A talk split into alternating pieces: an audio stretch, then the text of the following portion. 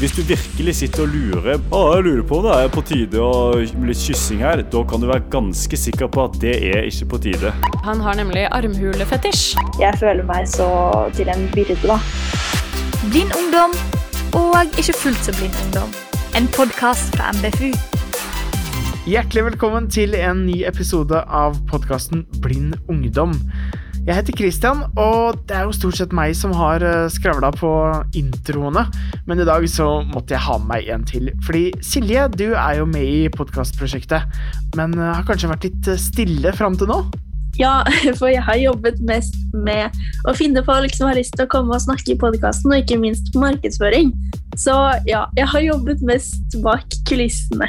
Men det er veldig kult at du hiver deg med i en episode, og denne gangen intervjuer i podkasten vår. Vi har jo allerede snakka om dating, så hvorfor enda en episode om det? For rett etter vi la til episoden, så begynte det å tikke inn med mange meldinger fra mennesker som hadde spørsmål eh, og så lurte på ting. Og da var det egentlig bare for oss å steppe opp og lage en til episode for å svare på disse spørsmålene. Og kanskje grave litt dypere i noen av temaene. Nå sitter jeg her med Andrea Faro Ronde og Thomas Tvedt. Og vi skal snakke om i hvert fall mine favorittemaer, nemlig dating, kjærlighet og sex. Andrea, du kan ikke starte å presentere deg med alders, type sinnsstemning og sivilstatus? Eh, jo, det kan jeg gjøre. Jeg heter Andrea Faro Ronde. Jeg er 27 år og bor i Oslo sammen med kjæresten min og eh, kattene mine. jeg har noe som heter albinisme, som er en genfeil som gjør at man bl.a. da er eh, svaksynt, så jeg ser omtrent 10% av 100. Jeg har 0,1 i visus, for de som vet hva det betyr. Og så er jeg også veldig lysømfintlig. Um, albinisme gjør også at man mangler pigment i hud og hår og øyne, så man er veldig lys uh, generelt. Veldig, veldig norsk, rett og slett. Og uh, ja, det går med mye solkrem. Thomas, har du også lyst til å presentere deg? Ja, det kan jeg. Jeg heter Thomas Tvedt. Jeg er 29 og bor i Oslo. Og jeg har ikke kjæreste og bor alene uten dyr, bortsett fra at det av og til er noen edderkopper som eh, kommer på besøk. Og jeg er født eh, blind. Jeg har noe som heter LCA, som betyr Lebers cognital amorose, hvis jeg husker det helt riktig. Som er en gen sykdom eller gentilstand som gjør at eh, stavene og tappene på netthinna sender ikke synsinformasjonen fra øyet til hjernen. Så jeg har aldri sett så mye at du kan måle det i prosent. og eh, jeg kan se forskjell på lys og mørke, men det er bare så vidt det blir mindre og mindre for eh, hvert år som går. Jeg tar jo som utgangspunkt at begge dere har datet en del, eller fortsatt dater, kanskje, Thomas. Men Andrea, du sier jo selv at du har veldig lite pigmenter i hud, hår og øynene dine. Har du noen gang opplevd noen negative kommentarer eller noe sånt i datingsituasjoner? Har du lyst til å fortelle noe om det? Det byr jo på noen utfordringer. Jeg vil ikke kanskje kalle det for problemer, men det er jo på en måte en ekstra faktor når man skal date. Det at man eh, ser dårlig og ser litt annerledes ut. Det er alltid et sånn vanskelig spørsmål om Hvis man har matcha med noen på Tinder da, som man har bestemt seg for å møte, når skal du fortelle vedkommende at du ser dårlig? Skal du gjøre det før dere møtes? Hvordan skal man si det? Det er sånne ting som jeg har tenkt en del på. Ja, jeg husker jeg matcha med en en gang som var veldig opptatt av at jeg skulle være med på båten hans og ligge på dekket og sole meg, blant annet. Det var midt i blinken? Det var midt i blinken. Jeg takket pent nei til det, da. Eh, så det er jo ofte litt sånn også at selv om du har fortalt om den diagnosen du har, så er det ikke alltid folk forstår det helt. Og det har skjedd flere ganger at eh, jeg har forklart at jeg ser dårlig, men folk skjønner ikke at det at jeg ser dårlig, betyr at jeg ser skikkelig dårlig. Eh, så jeg har ganske mange ganger vært på dater hvor vi har sett på film, og jeg har sittet fem meter fra TV-en og latt som jeg har sett noe. Det var en gang som jeg skulle møte som Vi hadde liksom avtalt et sted vi skulle møtes, og så sendte jeg han en snap og sa liksom at ja, nå er jeg her, finner deg ikke. og da svarer han med å sende et bilde av meg til meg, som står og venter på han. og da står jo han rett bortenfor meg. Men det hjalp jo ikke meg noen ting. Jeg klarte fortsatt ikke å finne han. og da ble liksom starten på den daten bare litt sånn klein, for jeg tror ikke han helt skjønte det. Og jeg tror kanskje ikke jeg hadde sagt at det så dårlig da heller, for det var sånn date som ble litt sånn på sparket. Uh, så det ble en ganske sånn klein start som bare ikke ble noe mer av, rett og slett. Så det, ja, det var ikke noe suksess. Det jeg pleier på slike dater hvor vi skal møtes på eksempelvis kafeer eller restauranter og sånn, så pleier jeg å alltid prøve å være først ute, sånn at det er han som må finne meg. For jeg er også skikkelig redd for at jeg ikke kommer til å finne han, og det har jo skjedd mange ganger også. Og da blir det som du sier, Andrea, det blir så Det blir en veldig klein start, da. Thomas, du er jo helt blind. Bruker du datingapper, eh, og i så fall, hvordan funker det for blinde? Ja, on and off. Eh, det går i perioder, så jeg har hatt forskjellige liksom, Tinder-epoker. Og det er jo en kjempefordel å ikke se noe som helst, fordi det er ikke noe hvis du klarer å få kommunisert det tydelig gjennom den appen, så skjønner folk hva det betyr. på en måte. Det er så mye enklere for folk å skjønne at du, jeg ser ikke en dritt, på en måte, kontra det jeg ser litt dårlig. For hvis du ser å ja, du ser litt dårlig, ja, ja da bruker du briller, på en måte. Nei, jeg ser kjempedårlig.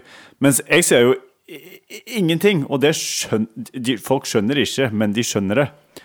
Så eh, det har vært eh, en av de eh, store Tinder-utfordringene å finne noen måter å få uh, sagt det gjennom bildene eller noe som skal stå i, i bioen, på en litt sånn festlig måte. At det ikke står bare sånn Ja, forresten, he, he, jeg er blind. Men det må, det må liksom komme fram på en litt sånn uh, finurlig måte. Men det har skjedd at jeg har hatt uh, på et av bildene mine at jeg har stått med en hvit stokk, liksom. Og det skulle jo tro at var tydelig nok, men folk, noen har jo trodd at det var tull. At det var sånn Ja, hei, det var et festlig Det var en morsom vri, liksom, at du later som du er blind, og sier sånn Nei, det er faktisk sant. Man bruker jo gjerne datingapper for å ja, dra på date, eh, eller finne noen man vil dele livet sitt med, men eh, det er jo så visuelt. Altså, det er jo bare bilder og en morsom bio. Hvordan finner du folk, Thomas?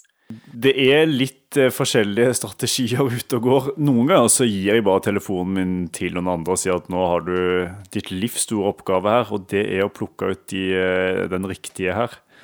Men det funker jo ikke alltid like bra, da, for alle har jo forskjellig smak. Så det har vært ganger der jeg har vært sammen med flere folk, eller ikke vært sammen med, men jeg har liksom vært eh, sammen med flere venner på en gang, og så begynner de å krangle da, om ja, er det et ja eller et nei til denne personen. Hvis det står noe om den andre personen, så vet jeg jo litt om den. Hvis ikke så må jeg jo bare starte en eller annen samtale og se hvordan det går.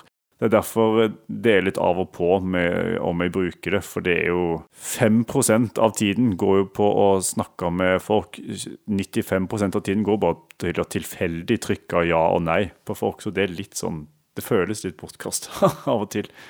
That's story of my life. ja, ikke sant. Det er gode poenger du har. Men eh, når du kommer deg på date, da, har du noen kleide eller morsomme datingsituasjoner du har lyst til å dele? Dater kan jo potensielt sett bli kleine, enten du ser eller ikke. Det ene er jo det som eh, Andrea var inne på i stad, hvordan møter du hverandre? De som jeg har vært på date med, de har alltid visst på forhånd at jeg ikke kan se. Det har ikke vært noe spørsmål, på en måte. De liksom, det ligger liksom i korta. Men allikevel, da, så skjønner jo ikke de nødvendigvis Eller folk blir jo litt stressa av det. Så bare det å gå på kafé med noen er litt sånn Litt ekstra utrygghet i lufta, da, for de blir litt sånn Wow, hva skal jeg gjøre nå? Skal han holde i meg, eller skal jeg holde i han, eller skal han ikke det? Eller til, hvis jeg tilbyr for mye hjelp nå, så blir han sikkert irritert, men hvis jeg tilbyr for lite hjelp, så blir det et stort problem. Så det er mye sånn det er ikke en konkret historie, men det er en sånn generell kleinhetsfølelse og generell utilpasshetsfølelse, som ofte er i starten på de datene. Men det, det ender jo ofte opp med at det ikke går noe lenger uansett. da. Men det har hendt at uh, Det er jo litt sånn motsatt, uh, egentlig positiv greie. da, At folk har skjønt at de ikke kan se. Og så har de invitert meg med på ting som jeg tenker sånn Skjønner du at jeg ikke ser, eller? Fordi det har vært sånn der Skal vi gå og klatre sammen, eller skal vi jeg, ikke, jeg har ikke spilt bowling, eller noe sånt, men det har vært litt sånne aktiviteter der jeg har tenkt sånn Shit, dette her Har du egentlig skjønt at jeg ikke kan se? For dette det, er ikke, det er ikke umulig, men det blir litt sånn knotete. Det er ikke sånn eh, at jeg kommer til å ha 100% oppmerksomhet til deg. Jeg kommer til å stresse noe voldsomt med å få til det vi skal her nå. Jeg kan uh, fortelle én historie. Det er litt morsomt, for den ene daten jeg har vært på med en ukjent person uh, som ikke jeg har møtt på Tinder, det er den kleineste daten. Og det her var en periode hvor jeg datet eh, litt eh, mye. og da jeg sto på Nationaltheatret og ventet på en eh, som jeg skulle date, som var litt forsinket, da. Og så kommer det bare en random fyr bort til meg og begynner å prate med meg og eh, er veldig hyggelig, da. Og så spør han til slutt om han kan få nummeret mitt. Og så tenker jeg sånn, vet du hva, du er, siden du er så frekk og tør å spørre om det, så skal du få det. Eh, og han eh, virka som en eh, kjekk og hyggelig fyr med sjarmerende vestlandsdialekt. Og så sender han en melding til meg litt senere på kvelden, etter jeg hadde kommet hjem fra denne andre daten, og spør om vi skal møtes og gå en tur i Frognerparken dagen etterpå. Og så gjør vi det. Jeg møter han, og vi går bortover, og så er det jo litt sånn på date at man er litt sånn nervøs. Og når jeg er nervøs, så prater jo jeg hull i hodet på folk om alt mulig. Og så sier han plutselig sånn Å, jeg syns det er så deilig å nyte stillheten, jeg. og da blir jo jeg veldig klein og bare Ja, mm, ok. Uh, og så sier han at uh, ja, det beste han vet, det er liksom å bare hver morgen å bare sitte og se inn i veggen og være helt stille i en halvtime hver morgen. Uh, og jeg som har generelt veldig mye energi og generelt ikke klarer å sitte stille, bare ja, ja, ok, mm. Så det var den starten. Og så spør han plutselig ja, hvor gammel er du egentlig? Eh, for jeg hadde egentlig ikke for en gangs skyld ikke gjort research. Eh, og så ba jeg han om å gjette, og han tror at jeg er 19. Eh, og da var jeg vel 23 eller 24, kanskje. Men det var greit nok. Og så spør jeg hvor gammel han er, han ber meg gjette. Jeg tenker at han er maks, maks, maks 30.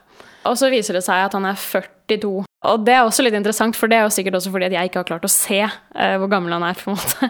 Uh, og han mener jo da at alder er bare et uh, tall. Det er selvfølgelig interessant at det er han som mener det, da. Og så går vi videre, og så sier han plutselig Har du noen fetisjer, eller? jeg bare tenkte sånn, Det er litt spesielt å spørre om det på første date. Og jeg var litt sånn Nei, nei, jeg vet ikke helt. hva med deg? og så sier han at han har, han har nemlig armhulefetisj som sa ja, jeg har uh, armhulefetisj. Og så, så, lurte han litt på om han kunne få lov til å slikke meg i armhulen. og, og, jeg vet jo ikke helt hva jeg skal gjøre av meg. Jeg husker jo ikke hva jeg sa engang. Jeg var litt sånn ja, nei, nei, jeg vet ikke helt. og så trodde jeg liksom Jeg tenkte vi var ferdig med det temaet, liksom. Og så etter hvert så setter vi oss litt sånn ned på gresset, og plutselig, midt blant masse folk, så bare kaster han seg over meg og bare stikker tungen ned i halsen på meg og skal liksom råkline med meg. Og var veldig opptatt av å prøve å liksom ta på armhulene mine. eh, ja, altså. Var du litt svett etter en lang tur, da, kanskje? Sikkert. Nei, nei, nei. Jeg kan tenke meg at han syntes det var bonus. det var nok en grunn til at han valgte tur. Han hadde nok likt joggetur enda bedre. Og det var en gang jeg hadde, vi hadde møtt noen ganger, og så gikk med en tur sammen, og i løpet av den turen så kom det jo liksom fram da, at nei, dette her var på en måte ikke noe match, liksom. Og så kom det et sånn typisk øyeblikk der det ville vært veldig naturlig og gått hvert til vårt. Og så var hun i ferd med å gå, og så var jeg i ferd med å gå, og så skjønte jeg ok, nå, nå skjønner Jeg vet ikke hvor jeg er, på en måte. Og jeg skulle eh, det var mens jeg studerte, og jeg skulle på en forelesning, så jeg måtte på en måte tilbake. Ingen sa det høyt, men begge tenkte på en måte Oi, nå jeg tenkte shit, jeg håper på en måte hun går, men jeg håper samtidig ikke at hun går, fordi da er jeg stuck her. Og jeg hørte nesten at hun tenkte nå har jeg lyst til å gå, men jeg kan ikke gå fra han blinde fyren her på et random sted. Så det endte opp at vi liksom bare stilltiende bare sånn OK, vi får bare gå sammen. Og så gikk vi sammen i syv og et halvt minutt, og det var lange syv og et halvt minutt. Og så skilte vi lag. Heldigvis har det ikke skjedd på første daten, så det var liksom noen jeg kjente litt. Men det er sånn der, eh, som jeg har blitt, tenkt etter, eller blitt vant til etterpå, at hvis jeg skal gå tur med noen på en date, så har jeg ofte valgt et sted der jeg er litt kjent. Sånn at hvis uhellet er ute, så er jeg liksom selvdreven og kan komme meg derfra sjøl, og ikke avhengig av den andre personen for det. Så gjerne velge en kafé der jeg vet Hvis jeg f.eks. skal på do, da, eller sånn at jeg eh, Både fordi det er praktisk, men fordi det er litt sånn For min del også er det litt sånn Ja, det er jo litt kult å kunne ta ansvar for det sjøl, og ikke måtte Du kan du hjelpe meg med å finne veien? Det er jo ikke noe stress, det heller. Det finnes jo mange hjelpere der ute i verden som synes det er veldig sjarmerende at de kan få lov til å bidra litt. Men eh, det er kult å ha valget sjøl, da. Men i slike datingsituasjoner så bruker det jo veldig mye kroppsspråk som regel. Eh, ja, som da f.eks. initiativ til kyssing, da. Eh, eller bare målestemningen i rommet. Har dere liksom noen tips til eh, det? Dere som siden de ikke kan lese kroppsspråk så godt? Jeg kan si først da at eh, det lurer jeg ennå på, akkurat det der Hvordan skjønner jeg at nå er det på en måte kyssing som er intensjonen fra begge sider? Ja, og ofte så tenker jeg Eller ikke ofte, men når jeg liksom, hvis jeg skal på en date, eller sånn, så tenker jeg hvordan vet jeg egentlig det? Men faktum er at det vet du bare. Det, du skjønner bare det. Det er ikke sånn Hvis du virkelig sitter og lurer å, jeg lurer på om det er på tide å litt kyssing her. Da kan du være ganske sikker på at det er ikke på tide. Det ligger ganske opp i dagen når det først er der. Hvis du er i tvil, så er det ingen tvil om at det ikke kommer til å skje akkurat da. Enig.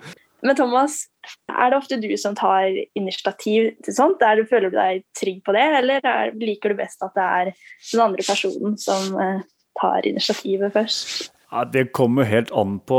For meg så handler ikke det så mye om å være blind eller ikke være blind. Det er litt sånn, det har så mye med andre personlighetstrekk og andre ting å gjøre. Men jeg, men jeg er komfortabel med å ta initiativ, ja. Men, eh, men det er en sånn eh, greie som jeg har følt blitt tryggere på gjennom åra. For det, det, er jo en kjempeviktig greie når du blir kjent med folk, at du, må, du skal oppføre deg ordentlig. Det, det går heller for seint enn for fort fram. på og hvis du skal gå fort fram, så må du i hvert fall være ganske sikker på at du leser signalene riktig.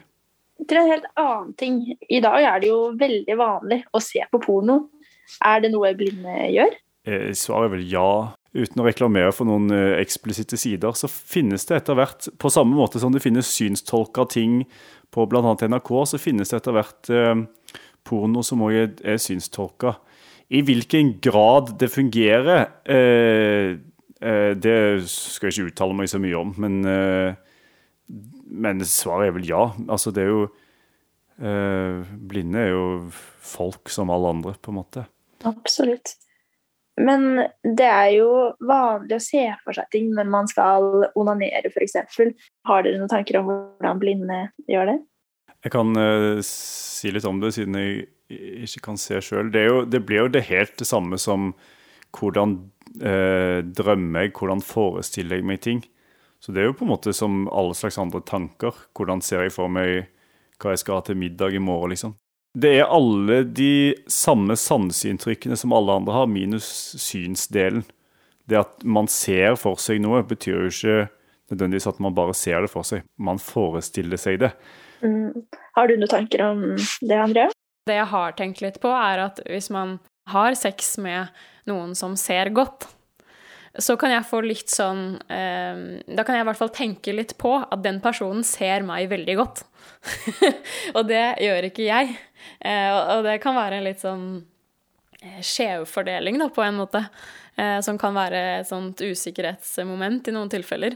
Jeg vet ikke helt hva poenget mitt er, men det er litt interessant. Det, i hvert fall. Det er litt sånn sår og vond ting på en måte, fordi det som du sier der, fordi det føles litt sånn absurd, men hvis jeg er sammen med noen som kan se, eh, så får jeg av og til en sånn tanke som sier at eh, shit, dette er eh, nå, nå, har den personen sett eh, meg uten klær, f.eks., og det er noe jeg ikke kan gjøre sjøl.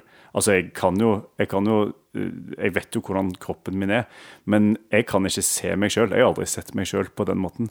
Og plutselig så kommer det et menneske som jeg har kjent veldig kort tid, kanskje. Det er litt sånn derre wow. Jeg har jo vært i eh, to lange forhold eh, hvorav begge, begge, disse var blinde. Det, har, det, som du snakket om nå, da, at, man, at, folk føler seg litt sånn lettet fordi du er blind, det, det kan jeg føle litt på selv. At det på en måte er jeg sier ikke at det er negativt, men det, er litt annen greie da, når man er med en som eh, ser. For da føler man seg mye mer sånn eh, Hvis jeg f.eks. har en skikkelig dårlig dag, så kan jeg føle meg veldig sånn iakttatt i en sånn, eh, sånn veldig intim situasjon, da. Eh, som jeg kanskje ikke ville ha gjort tidligere, på en måte. Eh, I de aller fleste tilfeller så er det jo veldig fordelaktig, syns jeg, at kjæresten min ser godt, men det er noen ganger eh, Ja, f.eks. hvis man har en dårlig dag, da må man tenke litt på det. Jeg har aldri vært sammen med noen som har vært helt blinde. øh, og det har vært et sånt tema som har dukka opp av og til. Noen av de som jeg har vært sammen med, har på en måte, kan bli litt sånn Åh, jeg skulle ønske at du kunne se nå! Fordi noen ganger så er det upraktisk, eller ting går ikke så fort, eller Og det er en sånn På den siden så skjønner jeg det kjempegodt. Noen ganger så er det mer praktisk å se. Sorry. På andre siden så er det ikke noe jeg får gjort noe med. Av og til så har jeg, har jeg tenkt at på, på en måte så hadde det vært litt praktisk og litt sånn deilig å være sammen med ei annen som heller ikke kunne se. Da hadde i hvert fall den biten blitt eliminert, og det der med at jeg må være mindre blind enn jeg er. Da hadde liksom den saken vært ferdig diskutert. Da det ble slutt med min eh, kjæreste for hva det blir det, fire-fem år siden, da var jeg veldig klar på når jeg skulle ut og date, at jeg skulle ikke verken date eller noen gang bli sammen med en som er synshemmet. Og det høres veldig kynisk og slemt ut, men, men, det er jo som du sier, at det handler litt om å gjøre livet praktisk for seg selv, da. Det handler også om hva man gjør i livet sitt, og hva man driver med. Eh, jeg driver jo med idrett, holder på med ski, eh, er mye på hytta og kjører båt og er avhengig av å kjøre bil for å komme dit. Eh, så, og jeg vil jo gjerne ha en kjæreste som kan være en del av et sånn type liv. Så hvis jeg hadde hatt en kjæreste som var synshemmet, så ville ikke vedkommende kunne vært en del av det på samme måte som en seende kjæreste, da. Jeg skjønner egentlig veldig godt hva du mener, Andrea, men personlig, når jeg blir forelsket, så blir jeg så stormforelsket at jeg liker egentlig å tro at jeg har preferanser, men når det kommer til stykket, så når jeg først blir forelsket, så har det ingenting å si eh, om personen ser eller ikke ser, eller om den fyller andre krav eller ikke fyller andre krav på denne sjekklista jeg liker å tro at jeg har. Når man er veldig forelsket, så bryr man seg jo ikke om at den man er forelsket i, er synshemmet, f.eks., og det har jeg jo aldri gjort. Men det jeg har gjort når jeg da skulle ut på ny datingrunde, holdt jeg på å si, var å på en måte eh, tenke gjennom det på forhånd, da. Jeg er enig med Silje i at uh, hvis man er forelsket, så er man forelsket, og det har ingenting å si om vedkommende har en synshemming. Men hvis jeg kunne plukke fra starten av, uh, så ville jeg uh, da datet folk som ser, da, og forhåpentligvis bli forelsket i en som ser, for å kunne gjøre livet mitt litt mer praktisk. I datingsituasjoner så føler jeg meg ofte som en liten byrde når jeg er den som ser dårlig. Og hvis mm. den andre også ser dårlig eller er blind, så er det sånn jeg er faktisk ikke så annerledes, da. Vi er på mer lik linje. Men det er nok kanskje litt derfor at, at de, mine første kjærester i livet liksom har vært eh, synshemmede. Fordi det har på en måte vært kjent for meg, og det har vært folk fra miljøet som jeg kjenner godt. Og det er på en måte ikke en Det er liksom ikke en greie, det med synet, da. Det er liksom ikke noe du trenger å forklare eller sånn. Så det har på en måte føltes veldig trygt. Så det er på en måte etter hvert når jeg har blitt litt mer voksen, at jeg har turt å gå ut der og møte andre mennesker, da, og endt opp eh, med eh, noen som ikke har noe med det miljøet på en måte å gjøre, og som ser, da. Ja, for det er akkurat der jeg er nå. Jeg syns det er dritskummelt. Jeg tør ikke møte og date eh, folk som ser, fordi jeg føler meg så til en byrde, da. Ja, men det var, var en greie jeg husker da, da kjæresten min liksom hintet inn på om kanskje skulle bli offisielt sammen, liksom, da, for da hadde vi datet ganske lenge. Da var jeg litt sånn opptatt av å advare han om at men du må huske på at jeg aldri på en måte kan kjøre bil, og det er en del ting som du er nødt til å gjøre alltid på en måte som ikke jeg kan. Og jeg var litt sånn bekymret for det, da, for at han ikke skulle på en måte forstå omfanget av det. Han uh, syntes jo da tydeligvis ikke det var noe problem. Men hvordan, hvordan, hvis dere er liksom på byen, på et utested hvor det er kjempehøy musikk og helt fullstendig kaos, og du er litt full, hvordan sjekker du opp noen da? Det er en tricky situasjon. Det har jo hendt at jeg bare har jeg er jo, Enten jeg har promille eller ikke, så har jeg jo av og til mangel på sosiale antenner. Så har jeg bare tenkt at jeg har hvis jeg har vært ute sammen med noen, så spurte jeg er det noen, ser du noen aktuelle her, eller? Og så hvis de har sett noen, så bare går jeg bare bort og sier at du, ja, det jeg husker ikke hva jeg har sagt, men det er liksom bare at jeg går bort og begynner å snakke med dem. Det, det at jeg ikke ser, er jo veldig ofte en icebreaker. For mange så er det jo eh, Og spesielt hvis folk er ute og de har drukket litt og er litt sånn høye på livet, så er de jo kjempeinteressert i det. Det er jo en, eh, en særegenhet med vel- veldig positive fortegn. For min del så har det vært litt sånn at eh, hvis du skal finne noen på en måte som er aktuelle å snakke mer med, da, eller hva man skal kalle det, på et utested, eh, da er jeg litt avhengig av å ha med venninner med god smak. Jeg fant en sykt fin fyr. Vi sto utenfor toalettene og prata om alt mulig. Eh, og så trodde jeg jeg fant den samme personen på dansegulvet. Så jeg bedte jo så klart han med meg hjem. Og så var det ikke han? Feil person. Så da jeg kom ut fra det utestedet med han, så hørte jeg jo på stemmen hans. Og, og jeg bare Oi, shit, dette er ikke riktig person. Oi. Men han var veldig heldigvis kjekk, han også, så det gikk greit. Du, Thomas, siden vi allerede er litt innpå det med one night stands og sånn, jeg syns det hadde vært kjempeskummelt om jeg ikke skulle visst hvordan personen ser ut før jeg er så intim med personen at man begynner å ta på hverandre, og da er liksom no way back. Tenker du noe på det, eller tenker du bare Eller bare kjører du på, liksom, og satser på det beste?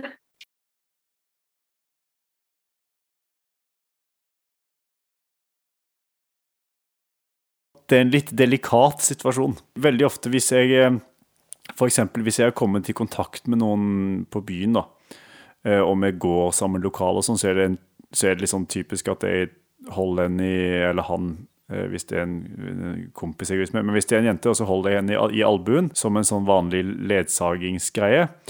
Og det er erfaringsmessig ganske mye informasjon du kan få gjennom den albuen.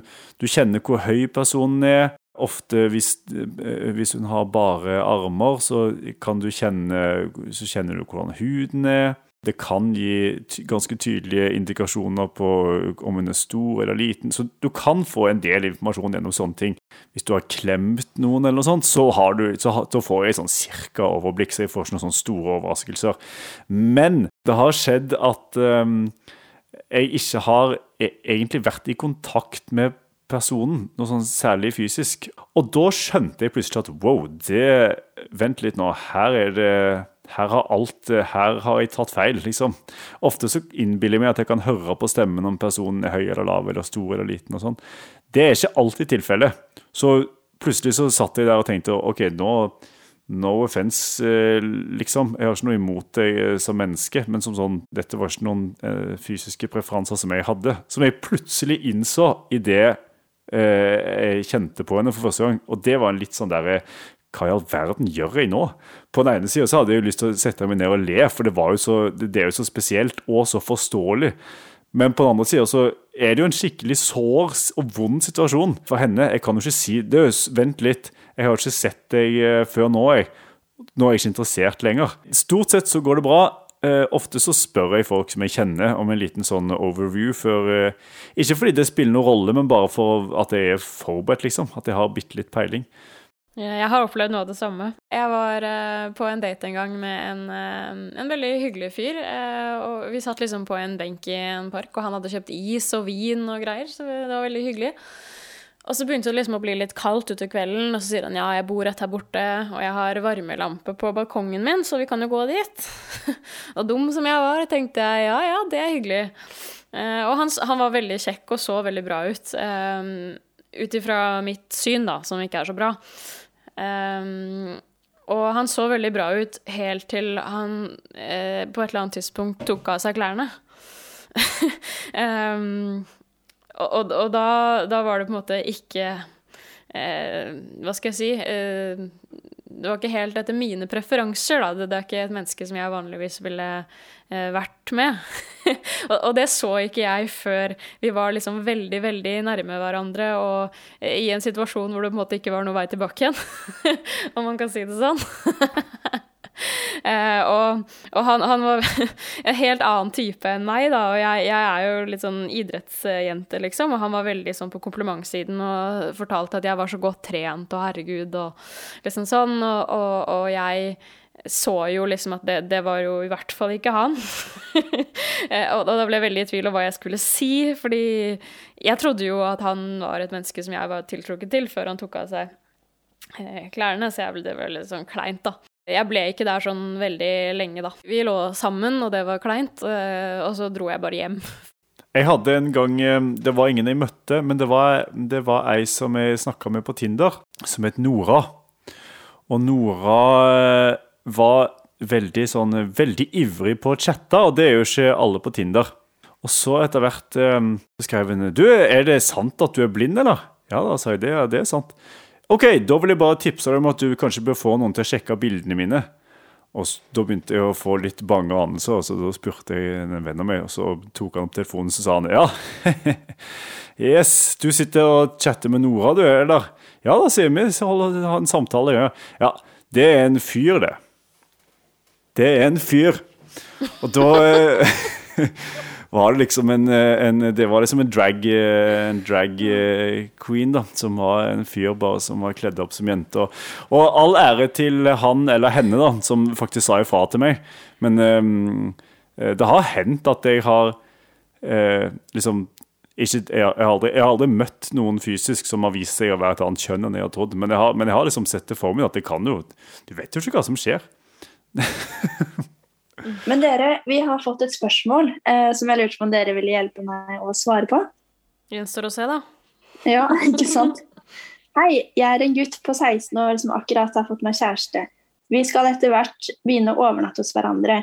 Men siden jeg aldri har sett bra nok til å se bilder av eksempelvis sexstillinger eller bilder av annet underliv enn mitt eget, lurer jeg på hvordan jeg skal forberede meg. Har dere noen tips? Dette kommer til å gå bra etter hvert, men det er litt klønete. For det første så må jeg jo si at det er jo alle knoter jo de første gangene. Det er Det er ikke top notch første gang. Nei, det kan man vel ikke si. Og det er, det er jo ikke noe hokus pokus, det går seg til. Men enten du ser eller ikke, så er det litt sånn der OK, hvordan funker dette her egentlig? Det er litt sånn som det vi snakka om i stad med når passer det å kysse noen? Eh, Jeg klarer ikke helt å forklare hvordan det hvordan det, du plutselig merker det, men plutselig så skjønner du bare at nå er det riktig tid for å kysse den andre personen. Og det er litt sånn det samme med dette her. Du, det er liksom bare å prøve seg fram. Da. Jeg, hvis, hvis jeg skulle gjort det om igjen, så tror jeg at jeg hvis jeg hadde kjent meg trygg nok til det, hadde sagt at ok, dette her, jeg har aldri sett en eh, naken eh, kvinne før. Jeg. Så dette her, eh, her må du hjelpe meg, liksom. Dette her skjønner jeg nada av. Jeg har ikke noe minne om at jeg sa det første gangen, men eh, hadde, hvis jeg skulle gjort det om igjen, så hadde jeg gjort det. For det, den situasjonen er så klein og rar uansett. Og hvis du ikke har sett noe, i hvert fall som Gutter er jo litt, på en måte litt enklere satt sammen. da. Det er liksom ikke sånn Du skjønner hva, hva som er hva, liksom. Snakk sammen underveis. Det verste som kan skje, i hvert fall hvis det hadde vært meg, da, var hvis det bare var helt stille, og begge går ut ifra at den andre vet hva den holder på med, og så har egentlig ingen peiling. Det er ikke, Da, da blir det i hvert fall kjipt. Ja.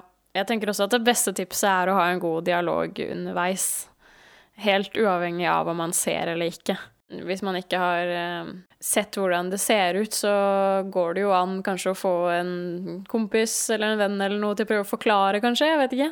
På ungdomsskolen så har jo alle sin runde med seksualundervisning, og da eh, velger jo folk Lærerne velger jo forskjellige det de mener er gode pedagogiske framgangsmåter eh, med de elevene som ikke kan se, eller som ser dårlig. Så jeg hadde en naturfagstime sammen med en kvinnelig naturfagslærer, der vi sammen skulle ta på plastlagde mannlige og kvinnelige kjønnsorganer. Og det er liksom Det var begrensa hvor mye informasjon det var i det, pluss at det var jo så utrolig flaut at eh, jeg holdt på å omkomme underveis i situasjonen. Det hørtes helt utrolig kleint ut.